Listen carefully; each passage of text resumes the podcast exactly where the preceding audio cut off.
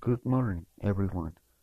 Today we are with Diomedes Diaz so that you can answer two questions to start.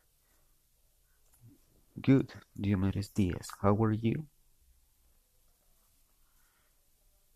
Well, thank you very much for inviting me. Well, let's start with these two questions.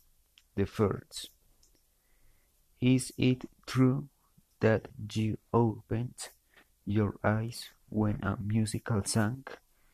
You um, vallenato when your mother gave birth to you? If it is true, my mother told me that this man dedicated a song for me for my birth and that suddenly he opened his eyes. My mother said that the man was surprised and that he told my mother, This child will be the best singer in history of Vallenato. And it became reality. Wow, it is incredible to be here with the best vallenato singer in history. But well, to finish, we are going with the second question.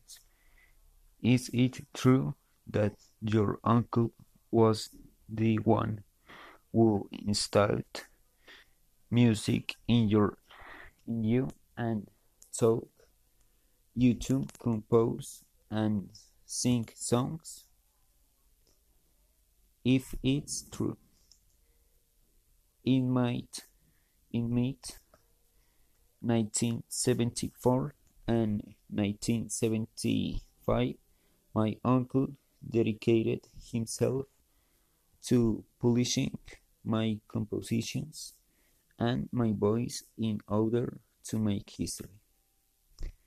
And God, thank you very much, Diomedes, for being here present with us in this interview. Thanks for inviting me. I'll see you next time. Bye.